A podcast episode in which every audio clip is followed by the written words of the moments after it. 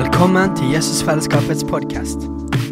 Vi håper budskapet i dag vil velsigne deg i din vandring med Gud. Og om du vil ha mer informasjon om menigheten, kan du gå inn på jesusfellesskapet.no.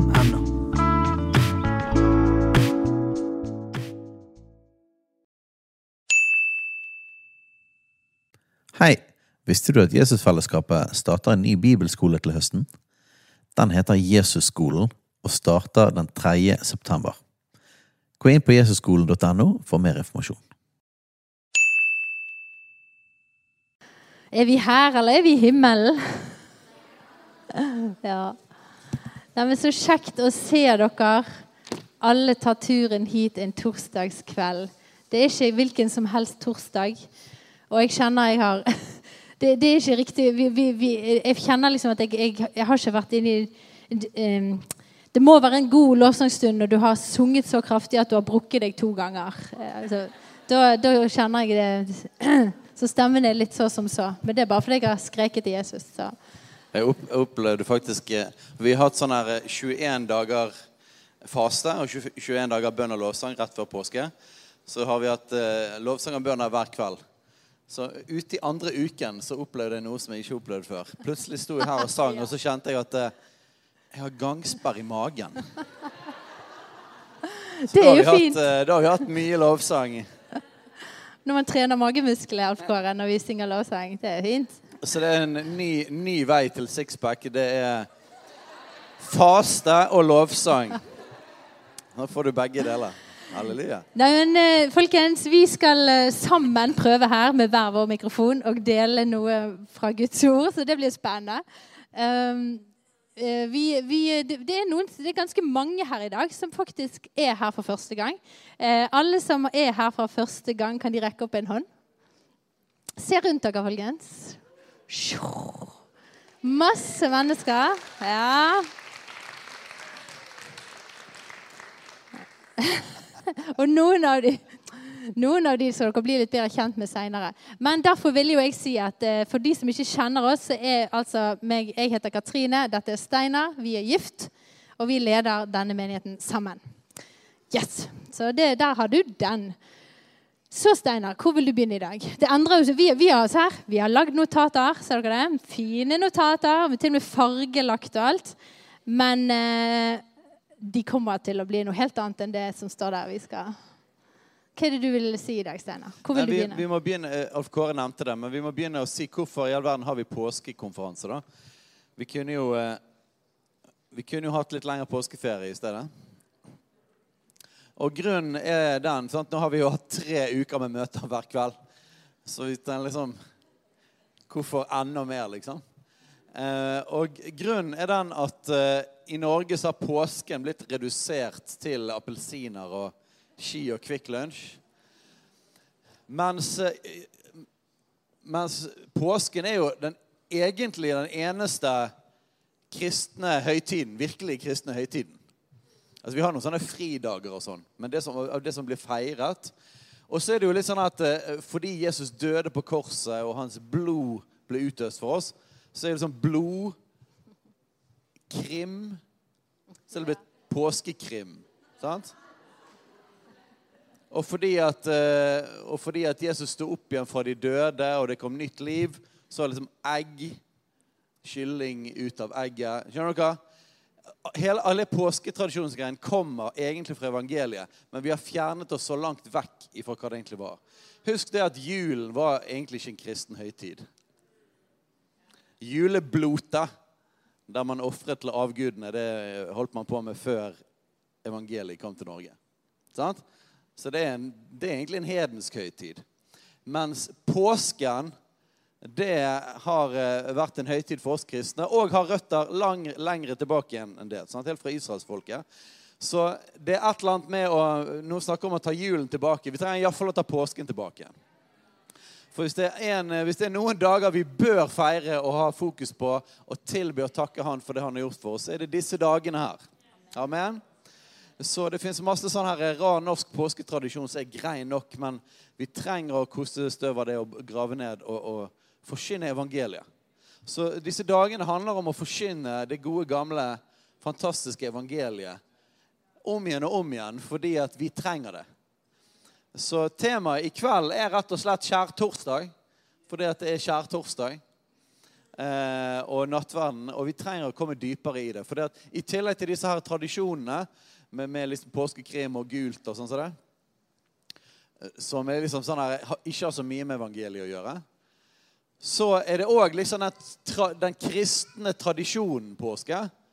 Og den ligger under et sånn lag av tradisjon og religiøsitet som gjør at òg det kan være noen ganger vanskelig å få tak i ordentlig for oss. Men evangeliet, det er levende. sant? Guds ord er levende. Evangeliet er fortsatt levende. Og det trenger å bli forkynt med Den hellige ånds åpenbaring, sånn at det blir levende for oss. Sånn at det ikke bare er enten norsk sekulær påsketradisjon eller kristen tradisjon uten åpenbaring. Men at evangeliet får bli levende for oss. Amen? Amen? Så jeg regner med at du er her i kveld fordi at du er enig i det. Halleluja. Så velsigner vi alle som er på påskefjellet. Og de skal få møte Jesus der òg. Så det, var litt av, det er liksom litt av poenget med at vi har påskekonferanse. Um, vi må jo lese liksom teksten for uh, i, i, kveld. Må ikke vi det? Så, så, vi begynner der. I Lukas kan vi ta. Lukas 22.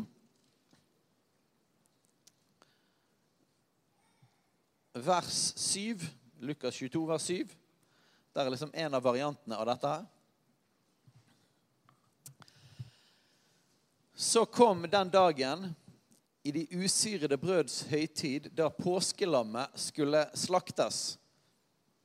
Så Jesus og disiplene, som var jøder, de fulgte jo de jødiske høytidene. Og det var jo ikke tilfeldig det at det som skulle skje, det Jesus skulle gjøre i påsken, var i påsken. Men det var jo hele påskehøytiden eh, fra Israel gikk ut av Egypt, ble jo feiret som et forbilde på det som skulle skje. Uten at jødene visste om det nødvendigvis. Eh, men alt i den feiringen det pekte fram mot evangeliet. Så dette var en profetisk tid, en profetisk oppfyllelse av denne høytiden som de gikk inn i. Og står det i vers 8 der Og så sendte Peter og Johannes og han sendte Peter og Johannes av sted og sa Gå og gjør i stand for oss, så vi kan ete påskelammet. Og de sa til han, Hvor vil du at vi skal gjøre det i stand? Han svarte, Se, når dere kommer inn i byen, skal det møte dere en mann som bærer på en krukke med vann. Følg ham til det huset hvor han går inn. Og si til eieren av huset, mesteren spør deg, hvor er rommet der jeg kan ete påskelammet med mine disipler? Han vil da vise dere en stor sal ovenpå med alt utstyr. Der skal dere gjøre i stand. De gikk da av sted og fant det slik som han hadde sagt, og de gjorde i stand påskelammet. Og da timen kom, og NB det er derfor det er lam i butikken. Dere vet det, sant? Kanskje ikke folk Hver gang dere ser et lammelår i frysedisken på Rema 1000, så er det bare sånn herre Se, der er Guds lam som bærer verdens synd. Det er hele poenget med det. Ola Nordmann har ikke peiling på hvorfor liksom lam er på tilbud i påsken. Men det har med Jesus og påskelammet. Sant? Og de gjorde i stand påskelammet. Oh, jeg bare kjenner det at Og vårt folk kunne få åpenbaring på hva som er Altså, Evangeliet ligger der liksom rett under overflaten i denne her, eh, denne her høytiden. sant? Rett under der. Og folk vet ikke. Folk er blinde. Men jeg tenker i alle fall vi som er Guds folk, må leve i en åpenbaring på hva dette egentlig handler om. Og Da timen kom, satte han seg til bords og apostlene sammen med ham. Og han sa til dem jeg har lengtet inderlig etter å ete dette påskemåltid sammen med dere før jeg lider. For jeg sier dere, jeg skal aldri mer ete det før det er blitt fullendt i Guds rike. Så tok han en kalk, takket og sa Nei, bare la meg si en kommentar der først. Det, det er ikke det eneste stedet det står om. Men vi skal altså ha et påskemåltid i himmelen. I det nye Jerusalem sammen med Jesus. Så det betyr at vi skal feire påske til og med i himmelen. Er ikke det interessant? Så denne, her, denne her høytiden og tradisjonen er ikke bare fra mange tusen år tilbake igjen med israelsfolket som gikk ut av Egypt, og så gjennom Det nye testamentet og Jesus som døde på korset. Men det skal vare inn i evigheten. Og Det står òg i Johannes' åpenbaring om at, om at uh, Jesus blir tilbedt som Guds lam. Han viser seg som Guds lam. Så vi kommer til å ta påske i all evighet. Amen. Så tok han en kalk, takket og sa, ta dette og del det mellom dere. Jeg liker ikke det der med kalk. Vet dere hvorfor jeg ikke liker det ordet? For det er et helt vanlig ord som betyr beger. Eller en kopp. Men det er ingen som sier det liksom på en tirsdags ettermiddag. 'Mamma, kan du, kan du gi meg kalken?' Sant? Så vi har gjort det til et eller annet annet. Sant? Fordi, at, fordi at det er et gammelt ord, så skaper vi en avstand mellom det som skjedde. Og så lager vi liksom mystikk rundt det med å ha gamle ord. Men kalk er altså et beger. Det er en ting som de hadde vin oppi. Karaffel. Sant? Så han tok kalken, karaffelen. Han takket og sa, 'Ta dette og del det mellom dere.' For jeg sier dere, fra nå av skal jeg aldri mer drikke av vintreets frukt før Guds rike kommer. Og han tok et brød, takket og brøt det og ga dem og sa, 'Dette er mitt legeme, min kropp.' Legeme betyr kropp. Sant? Dette er min kropp, som blir gitt for dere. Gjør dette til minne om meg. Likeså tok han kalken etter aftensmåltid og sa, denne kalk er den nye pakt i mitt blod, som utgytes for dere. Den nye pakt startet her. Den nye pakt gjennom Jesu blod. Hans blod som blir utgitt, utøst, for oss. Ok, det var, det var liksom rammen og teksten for i kveld. Og skal vi gå litt mer inn i og snakke om nattverd. Eh, vet dere det at nattverd var en av hovedtingene som de første kristne drev på med? Det var rett og slett eh, I Oldkirken så var det sånn at de kom hovedsakelig sammen for å ha nattverd. Og gjennom nattverdsmåltidet så var det et fellesskapsmåltid der de spiste sammen hadde fellesskap. Gjennom nattverden så var det jo bønn og lovprisning. Og, i nattverden selvfølgelig tok de dette, de brøt brødet og, og, og delte det ut. og tok, tok, imot vinen. Men gjennom det så tok de imot hver eneste gang de samlet, så tok de imot det Jesus hadde gjort for dem på korset. Og de forkynte evangeliet om igjen og om igjen. Så, så, det var hovedtingen når de kristne kom sammen. Det var for å ha nattverd. Og så var alle de andre tingene koblet rundt det. Eh, I Apostels gjerninger 2 42, skal bare nevne det, så står det om disse som ble kristne på pinsedag, disse 3000. For de som er med i IEF, så har de hørt tusen ganger det kapittelet forsynt. Så disse 3000 som ble, ble, ble, frelst på pinsedag, så står det at de holdt urokkelig fast på fire ting. De tviholdt på noe. De holdt skikkelig fast på det. Det betyr at det var sykt viktig for dem. Sant? Og en av de fire tingene, det var brødsbrytelsen. Det var en av hovedelementene som disse nye kristne holdt seg til. og en av de viktigste tingene som de første kristne gjorde. Og så står det det at eh, det står om det i Apostelgjerninga 2,42, og så står det i vers 46, 2,46, der står det at de kom sammen hver dag. Og de kom sammen på tempelplassen. Og så i hjemmene så brøt de brødet og holdt måltid med fryd og hjertes enfold. Det betyr at de hadde et måltid, fellesskapsmåltid sammen, spiste sammen. Og så brøt de brødet. I forbindelse med dette måltidet så feiret de nattverden. Så dette var en sånn kjerneting for kristne helt fra starten av.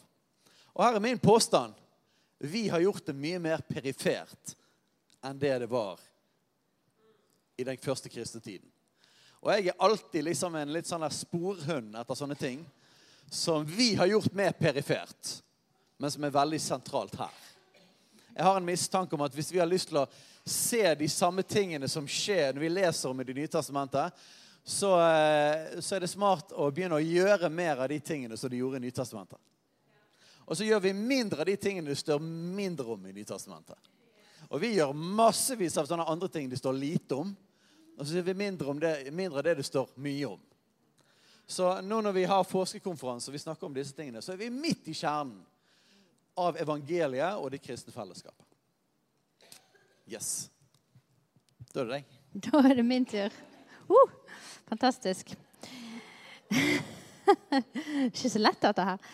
Nei, men Det er utrolig herlig å ha en sånn solid eh, bibellærer å lytte til. Ikke det det? Så jeg lener meg veldig til han. Eh, jeg, jeg, jeg elsker skjærtorsdag. Jeg elsker nattverden. Og den har eh, preget livet mitt fundamentalt. og det er det jeg har lyst til å dele med dere i dag. Jeg har lyst til at, for at jeg har lyst til at dere alle sammen skal få sånne der at nattverden blir noe som forandrer deg. Noe som du går til, noe som du kan lene deg til. Noe du kan sette deg ned i dammen av blod. Det høres jo litt sånn groteskt ut, kanskje. Men, eh, men det er noe med sånn som Steinar var inne på, at dette var læren. Dette var det, dette var det kristenlivet handlet om, dreide seg om. Det var nattverden. Å huske det Jesus gjorde for oss. Hvordan er det, eh, hvordan er, det virksomt i livet mitt i dag? Ikke, sant? Det er ikke bare en ting som, som skjedde der, men hvordan får jeg del i dette i dag? Så det er litt det jeg har lyst til å dele, og, kanskje, og håper at gjennom min historie så kanskje Gud kan møte deg på en spesiell måte i det. da. Så vær åpen for at nattverden skal bli noe nytt for deg i dag. Ta imot, OK? Det hadde seg sånn. Nå er det history time. Nei da. Jeg skal ikke fortelle en lang historie. Eh, du kan forresten gå inn på en av podkastene våre som heter Hyrdepodden. Eh, hvis du har hørt Der, der forteller jeg hele min historie litt grundigere. Men for mange år siden eh, meg og Stein har vært gift i 20 år i år, faktisk. Det er ganske It's pretty good. Vi giftet oss faktisk midt i påsken. Vi giftet oss onsdagen før skjærtorsdag i påsken for 20 år siden.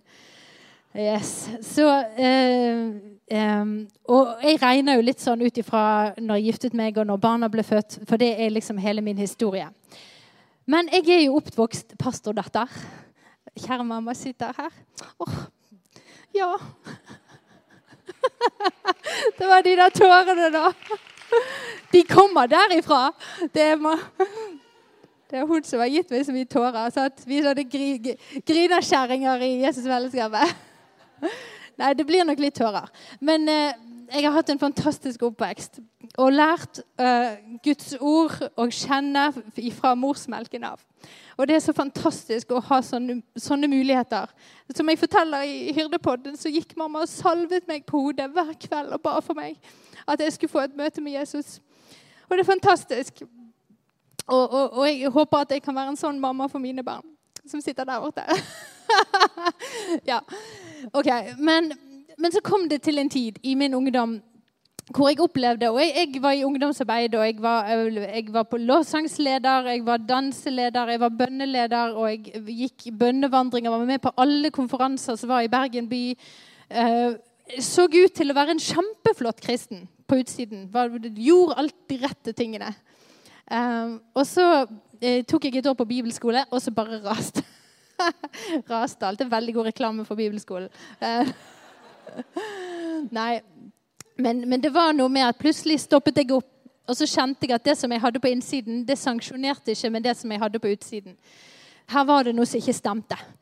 Så i en alder av en 20 år var vi vel da, så sluttet jeg å gjøre absolutt alt. Jeg sluttet å eh, tjene og gjøre alle de tingene. Og så stoppet jeg opp, og så kjente jeg Oi, hjelpe meg. Jeg vet ikke hva som er inni her. Og da fikk jeg en troskrise. For jeg visste jo, følte ikke at jeg var sant? Jeg kristen, jeg frelst. Jeg begynte alle disse store spørsmålene skyldte over meg. Um, det andre fikk en identitetskrise. Fordi at eh, jeg hadde jo lagt min identitet i alt de fine tingene jeg var så flink å gjøre. sant? Så sto jeg der og så ble jeg gift med Steinar, som var en kjempesterk og radikal, fantastisk mann. Og så speilet jeg meg i han, og så følte jeg at jeg var ingenting i møte med Hvem er jeg i møte med denne radikale, fantastiske mannen? Hvem er Katrine da? Så det var ganske tøffe år der når vi giftet oss for 20 år siden. Eh, og ni år inn i vårt ekteskap så, så var det ikke så lette år. Det kan vi snakke mer om en annen gang. Men eh, men det som, eh, ble så sterkt for meg når jeg stoppet opp der og ikke kjente fotfeste på noen ting. Så begynte vi, Steinar og en gjeng eh, lagde et husfellesskap. så vi begynte, Det var liksom den spede begynnelsen til Jesusfellesskapet. Eh, oppe på Nattland i hjemmet til, til Helgas her. Det er litt gøy, da. Det det, sammen med foreldrene til Joar, som er her. Så startet vi et Hvor eh, gammel var Joar da? Ja, Hvor gammel var du da? Sånn for 20 år siden? Jo, du var jo så vidt Var ikke så veldig gammel, da. Sju år siden. Ja. Nei. Var du, du ble født i den, de tidene, du, da? Å, kjære tid. Altså tiden, sant? Ja. Spesielt. Mens når vi var i dette husfellesskapet hjemme hos de, så, var, så, så levde vi litt sånn som det står i Apostelens gjerninger. Vi møttes, vi møttes ikke hver dag, da, men en gang i uken møttes vi. Og vi møttes eh, til måltid og nattverd. Det var det eneste vi hadde på planen. Eh, og, og i de tidene der så, så åpenbarte Gud nattverden for meg så kraftig. Hvor det skyldte over meg en sånn Bare vær her med korset. Du, jeg skulle ønske vi hadde et sånt kors her. Um, det mangler her. Vi må Vi må ha et kors, sånn stort kors. Eh, så jeg følte det at jeg kunne liksom i fred få lov å sette meg ned med korset. da. Så jeg satt meg ned med korset, så var jeg der eh, i ni år og nektet å gå før jeg kjente at han berørte meg på innsiden og sa at jeg skulle gå. Og det er en lang historie, for det gjorde han gjennom at barna mine ble født, og løfter vi fikk gjennom barna våre. Men det som nattverden ble for meg, det ble liksom det å så få lov til å så være der jeg visste at ok, dette evangeliet, det som skjedde, det som Jesus gjorde, det var for meg. Jeg valgte meg inn i det. I den her uvissheten av at jeg skjønte ingenting opp eller ned. Jeg visste ikke hva jeg skulle gjøre helt med meg sjøl. Men så valgte jeg ok, jeg sitter meg inntil her i hvert fall. Og så eh, opplevde jeg at det ble virkelig i livet mitt på den tiden. Det går an å si òg at, at det var noe objektivt, uansett hva du erfarte eller følte. Sant? Så fikk du ta imot evangeliet hele tiden. Ja. Um, jo, vi karismatikere uh, har en tendens til å til å fokusere mest på den personlige erfaringen og mindre på det objektive som Gud har gjort, det Jesus har gjort. Skjønner dere forskjellen på det? Eh, I, I Bibelen så er det ingen motsetning mellom de tingene i det hele tatt. Men, men nattverden er en sånn ting som Vi kommer inn på det litt seinere òg. Men, men vi kan ta imot evangeliet igjen og igjen og igjen på en fysisk, objektiv måte. Uavhengig av hvordan vi har det. uansett hvordan vi føler. Så det blir en, ting, en måte å være knyttet til å ta imot evangeliet igjen og igjen. og igjen, og igjen. Ja. Selv, om man, selv om du var i en krise. Så, så det at vi var der, det var det eneste jeg klarte å holde meg fast i. Det var den nattverden. Og, og jeg skal, skal vel si litt der skal jeg si litt om eh, Litt mer hva det betydde, da. Men du skal gjennom et par punkter først, tror jeg. Vær så god.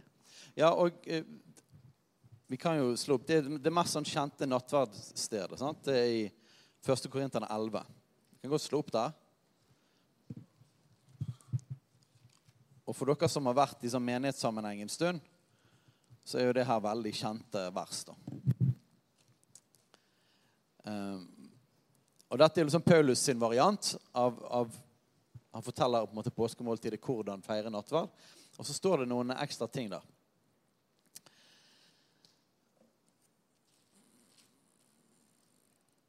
Skal vi se. Vi kan ta det fra vers 23 der. Da står det For jeg har mottatt fra Herren det som jeg også har overgitt til dere. At Herren Jesus, den natt da han ble forrådt, tok et brød, takket brøt og sa, dette er mitt legeme som er for dere. Gjør dette til minne om meg. Må stoppe der først. Gjør dette til minne om meg. Jeg tror alle sammen liksom, som har vært kristne en stund og hørt om nattverd, har liksom, kan det der. Gjør det til minne om meg.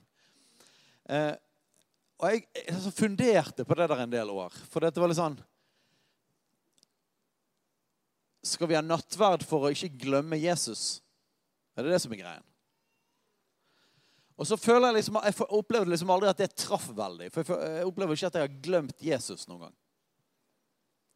Og, men så har jeg erfart noe som jeg tror du har erfart òg. Kanskje du ikke har glemt at Jesus fins, eller at Jesus eksisterer. Men en ting som jeg i alle fall har opplevd mange ganger, det er det at jeg har glemt evangeliet. Og du tenker, Har jeg glemt evangeliet? Ok, eh, La oss ta et testspørsmål på det om du har glemt evangeliet. Har du noen gang opplevd fordømmelse? Opp med en hånd. Noen som har kjent på fordømmelse? Ja, da har vi glemt evangeliet. Sant? Og Noen ganger så har vi til og med noen som har vært med på at de faktisk ikke bare liksom en ettermiddag, men noen dager, en periode til og med, så levde du i en opplevelse av uverdighet. Noen som har opplevd det noen gang? Fordømmelse, uverdighet. Strev. Noen som kjenner på det? Strev i egen kraft. Ok. Da høres det ut som at vi faktisk jevnlig ikke glemmer Jesus, men vi glemmer evangeliet. Hallo, folkens. Så til og med vi som har vært kristne så lenge, kan glemme kjernen i evangeliet. Og når jeg plutselig så det, så bare ah, Jeg har ikke glemt Jesus. Gjør dette til minne om meg. Hva er det? Hvorfor er det vi skal ta nattverd igjen og igjen og igjen og igjen? og igjen og igjen? Fordi at vi trenger å bli minnet om evangeliet igjen og igjen og igjen. og igjen og igjen og igjen. Hva er evangeliet for noe? Jesus har jo allerede dødd for lenge siden. Og hvis du har tatt imot han, så er jo du frelst. sant? Så du er blitt en ny skapning. Du er et nytt menneske. Så da skulle jo alt være greit. Skulle ikke det? Han har både gjort alt, og du har tatt imot det. Ferdig arbeid. Nei, det er ikke helt sånn det funker. For det i livet vårt er det sånn at vi kontinuerlig så angriper fienden oss på akkurat dette kjernespørsmålet. Og om han ikke klarer å dra oss vekk ifra Jesus helt, så kan han dra oss vekk ifra å leve i det Jesus har gjort for oss. Han kan dra oss vekk ifra å leve i en kontinuerlig erfaring av det han har kjøpt og betalt. Så du kan gå rundt, og så kan du For du, du har lest Bibelen, sant? Hvis du ikke er frelst, du har ikke tatt imot Jesus, så er det en god kveld å ta imot Jesus men jeg snakker primært til, allerede kristne. Hvis du har tatt imot Hans nåde, så sier Bibelen at du er rettferdiggjort. Er du med på det? Så du er rettferdig. Så det betyr at mens du er rettferdig, objektivt sett Skjønner dere hva jeg mener med objektivt? Altså Det betyr at det er sant uavhengig av hva du føler. Sant? Det er bare sannheten. Du er rettferdig i Jesus. Det betyr at det er mulig, for jeg så at hendene var oppe på omtrent alle her inne, at det er mulig at du objektivt sett er rettferdig, men du føler deg ikke det. Det går an, ikke det? Så hva er nattverden til for? Ikke at du skal bli rettferdig, men at du skal bli minnet om at du er det. At du skal kunne leve i erfaringen av det som allerede er sant. Nattverden er til for å kontinuerlig avsløre fienden. Kontinuerlig avsløre han. Kontinuerlig avsløre skam, fordømmelse og strev, sånn at vi kan leve i evangeliet. Det er mitt, det er mitt hjerte, det er min, min drøm, og noe som jeg får erfare mer og mer. det er at og hver eneste morgen leve ut fra evangeliet. Fra det han har gjort. Og Dette henger jo veldig tett sammen med barnekåret. Sant? For når vi ble Guds barn, så, så vi kunne kalle han pappa. Sant? Det henger helt uløselig sammen. Når vi, når vi tok imot Jesus, så ble vi Guds barn. Så det å leve ut fra evangeliet er det samme som å leve ut fra vår identitet som barn. Det går an å leve ut fra det stedet der. Så gjør dette til minne om meg. Det er ikke bare sånn her, i tilfelle vi glemmer Jesus. Nei. Nattverden er et redskap. Det er en hjelp. Det er en, et våpen, faktisk, som Jesus har gitt til oss fordi at han vet at vi trenger det. Vi trenger å kontinuerlig ta imot Hans nåde, men òg leve ut fra en åpenbaring på hva han allerede har gjort for oss. Sånn at strev, fordømmelse og skam og alle disse tingene som Jesus tok på korset Vi vet jo det. Sant? Han stilte eh, makten og myndighetene åpenlyst til skue. skjønner? Når han triumferte over dem på korset. Han, han naglet jo skyldbrevet på det. Det har allerede skjedd. Men fienden Vet dere hva Satan betyr? Anklageren. Han blir også kalt 'våre brødrets anklager'. Hva er det han anklager, da? Hva er det han kommer med? Nei, Han finner alle våre svakheter. Sant? Og så tar han de, og så angriper han oss med de. Hvorfor det, da? For å ta vekk fra gleden fra oss og friheten, sånn at vi ikke skal leve i det Jesus allerede har gjort for oss. For det at om han ikke klarer å stjele din frelse, så kan han iallfall stjele din frimodighet. At du ikke lever ut fra det Jesus har betalt for. Så gjør dette til minne om meg. Halleluja! Derfor ta nattverd, fordi vi trenger kontinuerlig å høre evangeliet, sånn at vi kan leve evangeliet, så vi kan erfare evangeliet, så vi kan bli værende i vår identitet. Vi kan leve ut fra vår identitet som rettferdige, som hellige, som Guds barn. Så står det en annen fantastisk ting vers 25 videre, der står det like så tok han også kalken etter aftensmåltidet og sa denne kalk er den nye pakt i mitt blod. Gjør dette som ofte den, dere drikker den til minne om meg. Der er det igjen. Gjør det til minne om meg. Husk det han gjorde gjennom blodet. sant? Og så står det i vers 26. For så ofte som dere eter dette brød og drikker denne kalk, så ofte som dere gjør det, da, hva er det vi gjør da? Når vi spiser dette, når vi drikker dette, da forkynner vi Herrens død inntil han kommer. Vi forkynner Herrens død. Nattverden er å forkynne Herrens død. Hvem for da? Jeg tror først oss sjøl. Jeg personlig har i flere år gjort det som en, gjort det som en, bare en vane. At, at som oftest når jeg ber, når jeg begynner å be, så begynner jeg der. Hvorfor det? For jeg minner meg sjøl om det. Jeg vil, jeg, vil, jeg, vil, jeg vil, begynne min bønn og jeg vil leve mitt liv på dette utgangspunktet hele tiden. hver eneste dag. Og vet du hva, Det går aldri tomt, liksom. Det blir, det, det, slutt, jeg slutter aldri å være takknemlig for det. Jeg pleier å begynne sånn Takk, Jesus, for at du døde for mine synder. For at du renset meg for all synd. At du har tilgitt meg. Takk at du åpnet veien inn i det aller helligste. At jeg, jeg har fri tilgang inn i ditt nærvær. Takk for at jeg er ditt barn, og at jeg kan kalle deg far, Abba far, pappa. Og at jeg alltid kan komme til deg. Takk at du elsker meg. Og takk at du har gitt meg Den hellige ånd. Jeg, bare, jeg begynner nesten alltid med å takke for de tingene der. Fordi at det handler om å tre inn i det Jesus har gjort for meg. Istedenfor å begynne liksom i min elendighet. Eller begynne i min tilkortkommenhet. Eller begynne i hva jeg føler for i dag. Så vil jeg begynne i det Jesus har gjort for meg. Og på samme måten som jeg gjør det når jeg ber, så er nattverden et redskap for dette.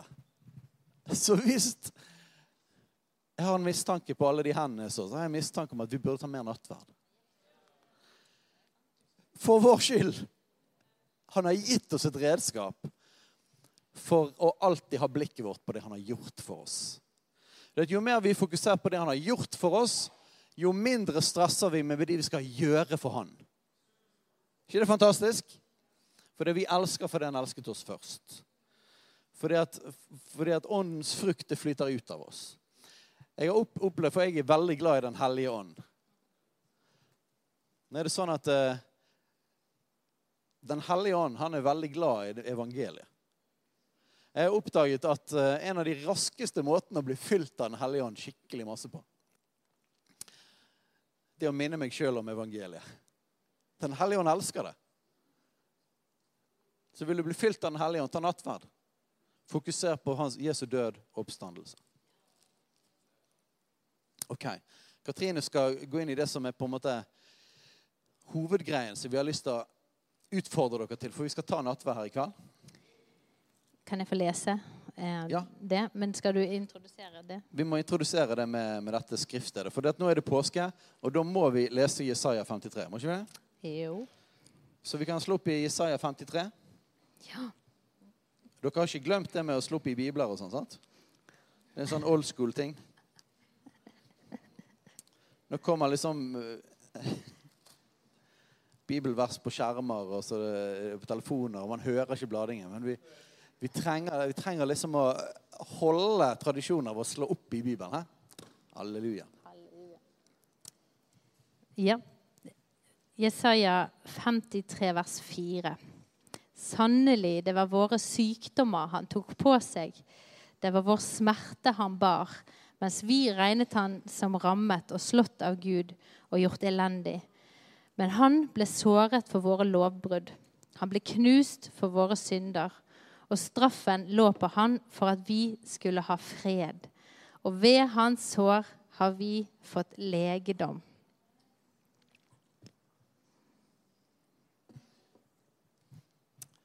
Og Grunnen til at vi leste det verset der, var for å legge litt sånn opp til noe av det Katrine skal gå inn i. Så Vi skal gå tilbake igjen til, til eh, historien om hvordan påsken begynte. Og så skal vi bruke det inn i våre liv helt konkret. Men i Isaiah 53 det er et, et eksempel på som viser det at når Jesus døde på korset for våre synder og sto opp igjen, så var det for å sone vår synd. Sant? Er vi med på det? Å sone vår skyld. At når vi har syndet, så har vi skyld. Det er resultatet av synd. Og han døde for, at, for å ta vekk den skylden. Når han døde for våre synder. Så det er det første. Det er det viktigste. Det er det, det, er det sentrale. Men dere vet det at når han tok vekk synden, når han sonet synden,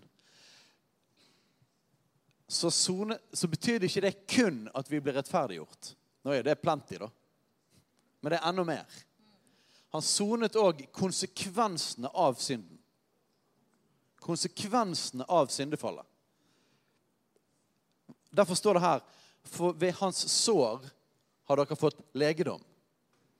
Så han sonet våre synder, men han sonet òg konsekvensene av synd.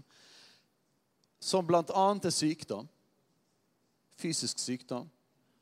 Eh, Det er sjelelig plage, sjelelig sykdom. Psykisk sykdom. Men det er òg konsekvenser av synden som kommer inn i relasjoner.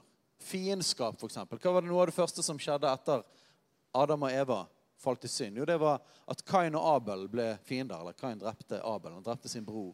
Så fiendskap, vold, ufred i relasjoner andre konsekvenser er sånne ting som f.eks. fattigdom.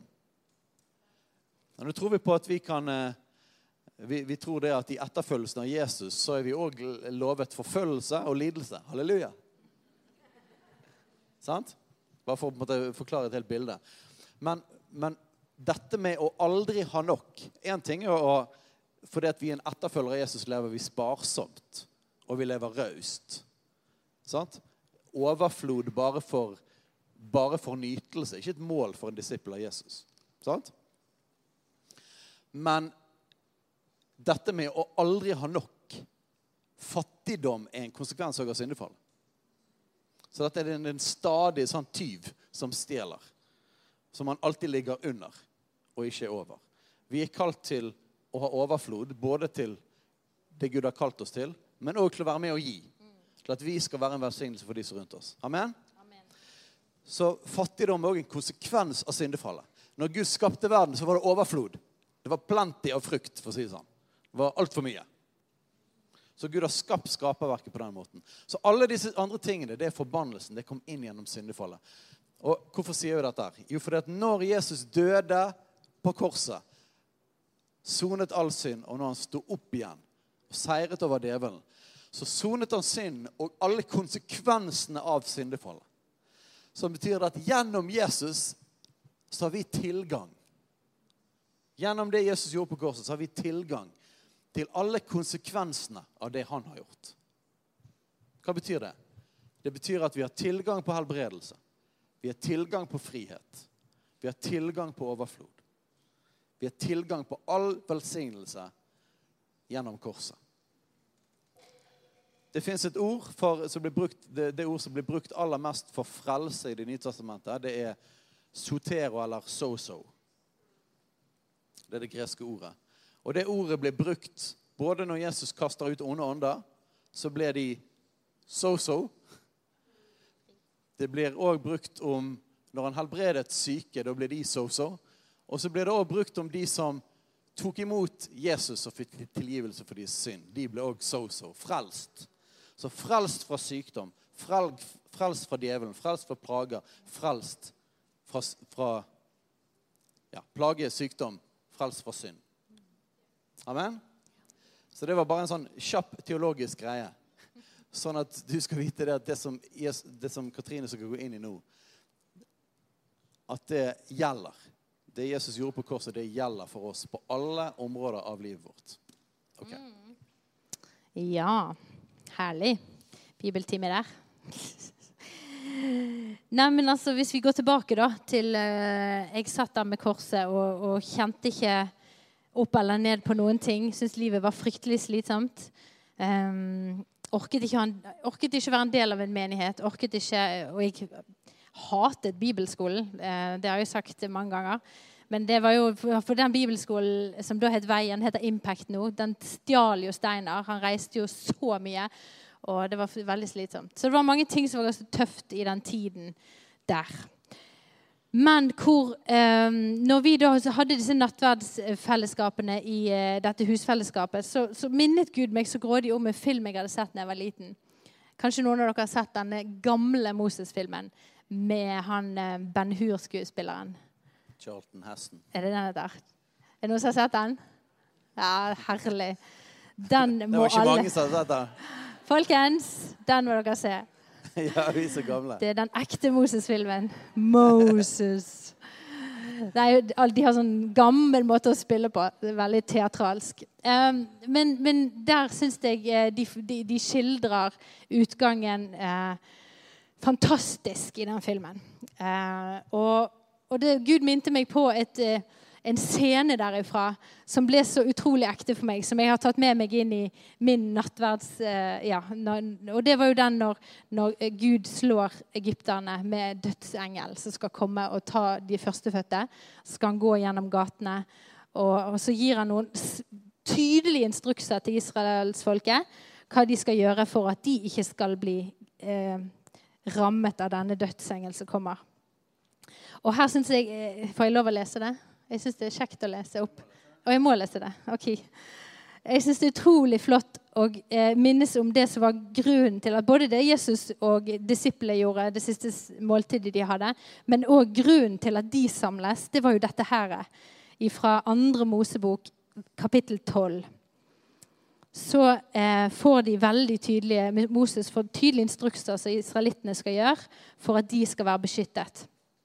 Og, og, og det her eh, Lytt til altså, dette er jo noen ting som var gjaldt for den tiden. sant? Men uh, lytt til. Hva er det du skal være lydig mot? Hva er det du skal gjøre som Herren taler til deg, for at du skal tre inn under den beskyttelsen som du trenger i ditt liv? da? Uh, så her må vi være lydhøre for at hva i våre liv er det jeg skal stryke. Hva er det som på en måte er min, mitt blod jeg skal dynke og stryke over uh, dørkarmen. For her står det Det er ganske, det er ganske det, detaljert beskrivelse Gud sier til dem, altså. Lam, altså fra vers 5. Lammet skal være uten lyte. Det betyr at det skal være helt perfekt. Det skal, være, skal være, det skal ikke et skeivt øre på det engang. Ull skal være helt perfekt uten eh, liksom de har jo snurrer, holdt jeg på å si, men uh, ingen stri pels. Ingen, liksom, altså, Klovene skal være perfekt. Altså, det skal være det flotteste lammet du har i flokken din. Det skal være av hannkjønn og et års gammelt. Dere skal ta det enten fra sauene eller fra geitene. Dere skal ta vare på det til den 14. dagen i den samme måneden. Da skal hele forsamlingen av Israels menighet slakte det mellom de to aftenstundene. De skal ta noe av blodet og stryke det på de to dør dørkarmene og på dørbjelken i huset, hvor de skal spise det. Så skal de spise kjøttet samme natt. Stekt over ilden med usyret brød og bitre urter skal de ete det. Dere skal ikke spise det rått eller kokt i, eller kokt i vann, men stekt over ilden, både hodet, føttene og innvollet. Dere skal, ikke la noe av det bli Altså Her kan ikke barna sitte 'Vi liker ikke' Det går ikke, det. Her skal alt spises. Dere skal ikke la noe bli igjen til morgenen etter. Um, jeg skulle hatt meg en sånn prat med mødrene på den tiden. Hvordan gjorde dere det? Hvordan fikk dere ungene til å ete? Um, og det som blir igjen av det til morgenen, skal dere brenne på ilden. Slik skal dere spise der. Dere skal ha på hoftene ombundet. Eh, dere skal ha hoftene ombundet. Det betyr altså belte om livet. Ha sandaler på føttene og stav i hånden. Det betyr jo at de, de skulle være klar til å stikke av gårde når, Moses, nei, når eh, farao fikk nok. Dere skal spise det i hast. Det er Herrens påske. For jeg skal gjennom landet Egypt den natten, og jeg skal slå alle førstefødte i landet Egypt, både mennesker og dyr. Jeg skal holde min dom over alle gudene i Egypt. Jeg er Herren. Blodet skal være et tegn for at dere eh, på husene Blodet skal være til tegn for dere på husene der dere er. Når jeg ser blodet, skal jeg gå forbi dere. Plagen skal ikke komme over dere og ødelegge når jeg slår landet Egypt.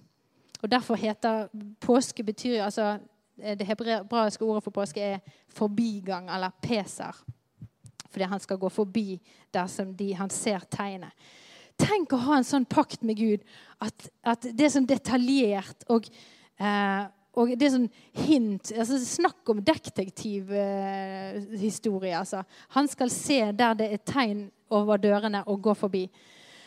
Og I denne filmen da, så er det skildret sånn at altså, Du ser jo disse husene som, som de bor, bor, i på denne tiden. De er hullete, og det er jo ikke tette vinduer. og er Dørene det sprekker i, vinduene er åpne, og det blafrer i gardinene. Så på en måte hva som helst kunne kommet inn gjennom de vinduene. Hva som helst kunne sevet igjennom de sprekkene i gulvet. Eh, men så, liksom, så, kommer denne disen. Det er en sånn grønn tåke da, som kommer gjennom gatene. I den filmen også? I filmen. For å ikke være forvirret her. Og, så, og jeg syns bare at det blir et sånt utrolig sterkt eh, eh, Det blir et sånt sterkt bilde for meg. Så lenge jeg er lydig, så lenge jeg går inn under hans eh, beskyttelse, jeg påfører eh, beskyttelsen, så vil eh, ikke plage slå på meg eller ramme meg. Og det, der, det, det, opplever jeg så ofte at nattverden har blitt i tiden etterpå. At når jeg kjenner at jeg står i noe tøft, når jeg står overfor lidelse i familien eller sykdom, så går vi til nattverden, og så, og så påfører vi dette her blodet over oss, over barn, over familiemedlemmer, over økonomi. Og så bruker vi det på denne her konkrete måten, som du var inne på i sted, som et våpen i våre liv. Evangeliet blir ekte i våre liv, i vår smerte, i vår trengsel og nød. Så kan vi gå til nattverden og bruke det på den måten. Og det, for meg har det blitt eh, utrolig sterkt verktøy å få lov å bruke. Så siden nattverden, og, og når de strøk det blodet på dørkarmene sine, så var det et profetisk bilde på at Jesus skulle dø.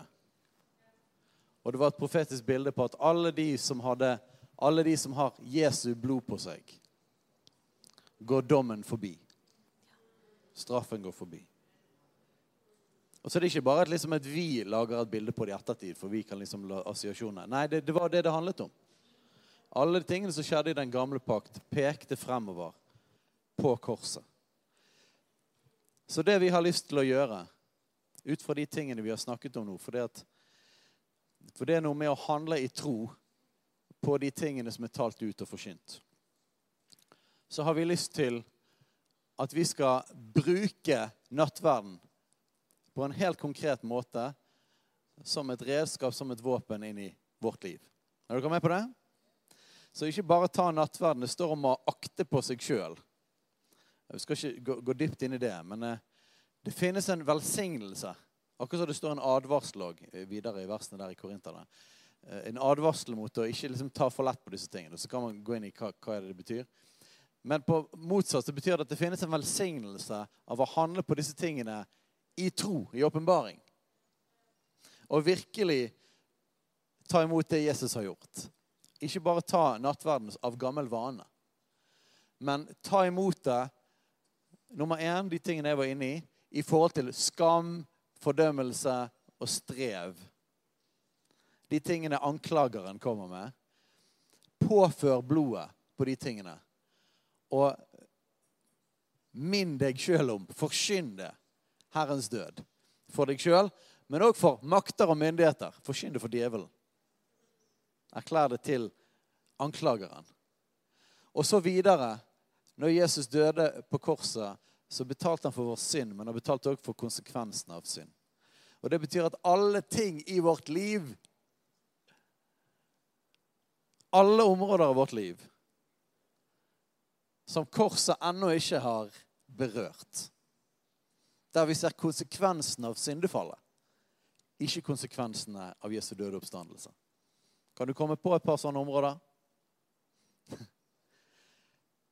Bruk nattverden. Stryk blodet på for å se at evangeliet skal bryte gjennom inn i det området av livet. Bruk nattverden som et våpen. Stryk blodet over, så forbannelse skal gå forbi. Amen? Så det skal vi gjøre nå. Så da kan vi godt reise oss opp. Nå skal, eh, for bare sånn praktisk så eh, har vi en stasjon her hvor dere som kommer her, går opp og så ned denne midtgangen. Og så dere som går her, dere må gå rundt og så opp her. Her er det en stasjon. Ta her, og så går dere ned midtgangen sånn. Der. Så spiller Rebekka litt for oss. Etter det. Så takk, Jesus, for at du er kongenes konge og herrenes herre. Takk for at du døde på korset for vår synd og for vår skyld og for vår sykdom. Vi bare tar imot, Herre. Vi har lyst til å minnes evangeliet i våre liv. Vi har lyst til at evangeliet skal bli så levende i våre hverdager, i våre liv, i våre familier.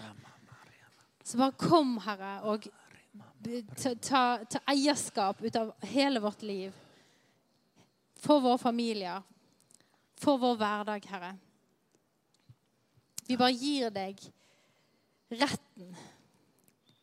Det som ikke vi får til, det fikk du til. Ja. Der vi ikke strekker til, der strakk du til en gang Ja, for takk, alle. Gud. Og vi tar imot. Vi legger ned eh, evnen til å prøve å få det til. Vi, vi, vi, vi ikke prøver å få det til engang. Vi sier nei, vi vil ære deg og takke deg. Takk for at du har fått det til. Og vi tar imot det du gjorde for oss. Så vi takker deg og ærer deg for at vi kan tilbe deg i all evighet for at du tok alle våre synder. Vi priser deg, og vi ærer deg, og vi takker deg. Takk for at det betyr at vi har fått barnekåret. At vi kan komme nær til deg. Takk for at du har eh, brutt av skam og fordømmelse og alle djevelens anklager. Takk for at du har tatt skyldbrevet og du har spikret det til korset. Og vi sier nå alle sammen her at vi har lyst til å leve i din nåde. Vi har lyst til å leve i det. Vi har ikke lyst til å leve for oss sjøl. Vi har lyst til å leve for deg. Så vi tar imot det du gjorde. Og vi forkynner dette inntil du kommer. Vi forkynner dette. Vi erklærer det ut for oss sjøl, for hverandre og for makter og myndigheter. At du er død for alle våre synder. Vi takker deg for friheten i det. og Vi sier at vi har lyst til å leve i den friheten. Vi har lyst til å leve i erfaringen av det du har betalt for oss, det du har kjøpt for oss. Og far, vi har òg lyst til å si at vi har lyst til å ta det blodet, Jesu blod, og vi har lyst til å stryke det over våre familier. over våre hjem, over våre liv, på alle områder. Og vi har lyst til å leve i og ta imot det du gjorde for oss på absolutt alle områder av livet. Og nå ber vi spesielt, Herre, for områder i livet der, der vi har opplever kamp. Der vi opplever at fienden har stjålet, myrdet og ødelagt. Der vi har ennå ikke erfart kraften i evangeliet bryte inn. Jesus, vi har spesielt på de områdene vi har lyst til å stryke blodet over. At forbannelsen skal gå forbi i Jesu navn.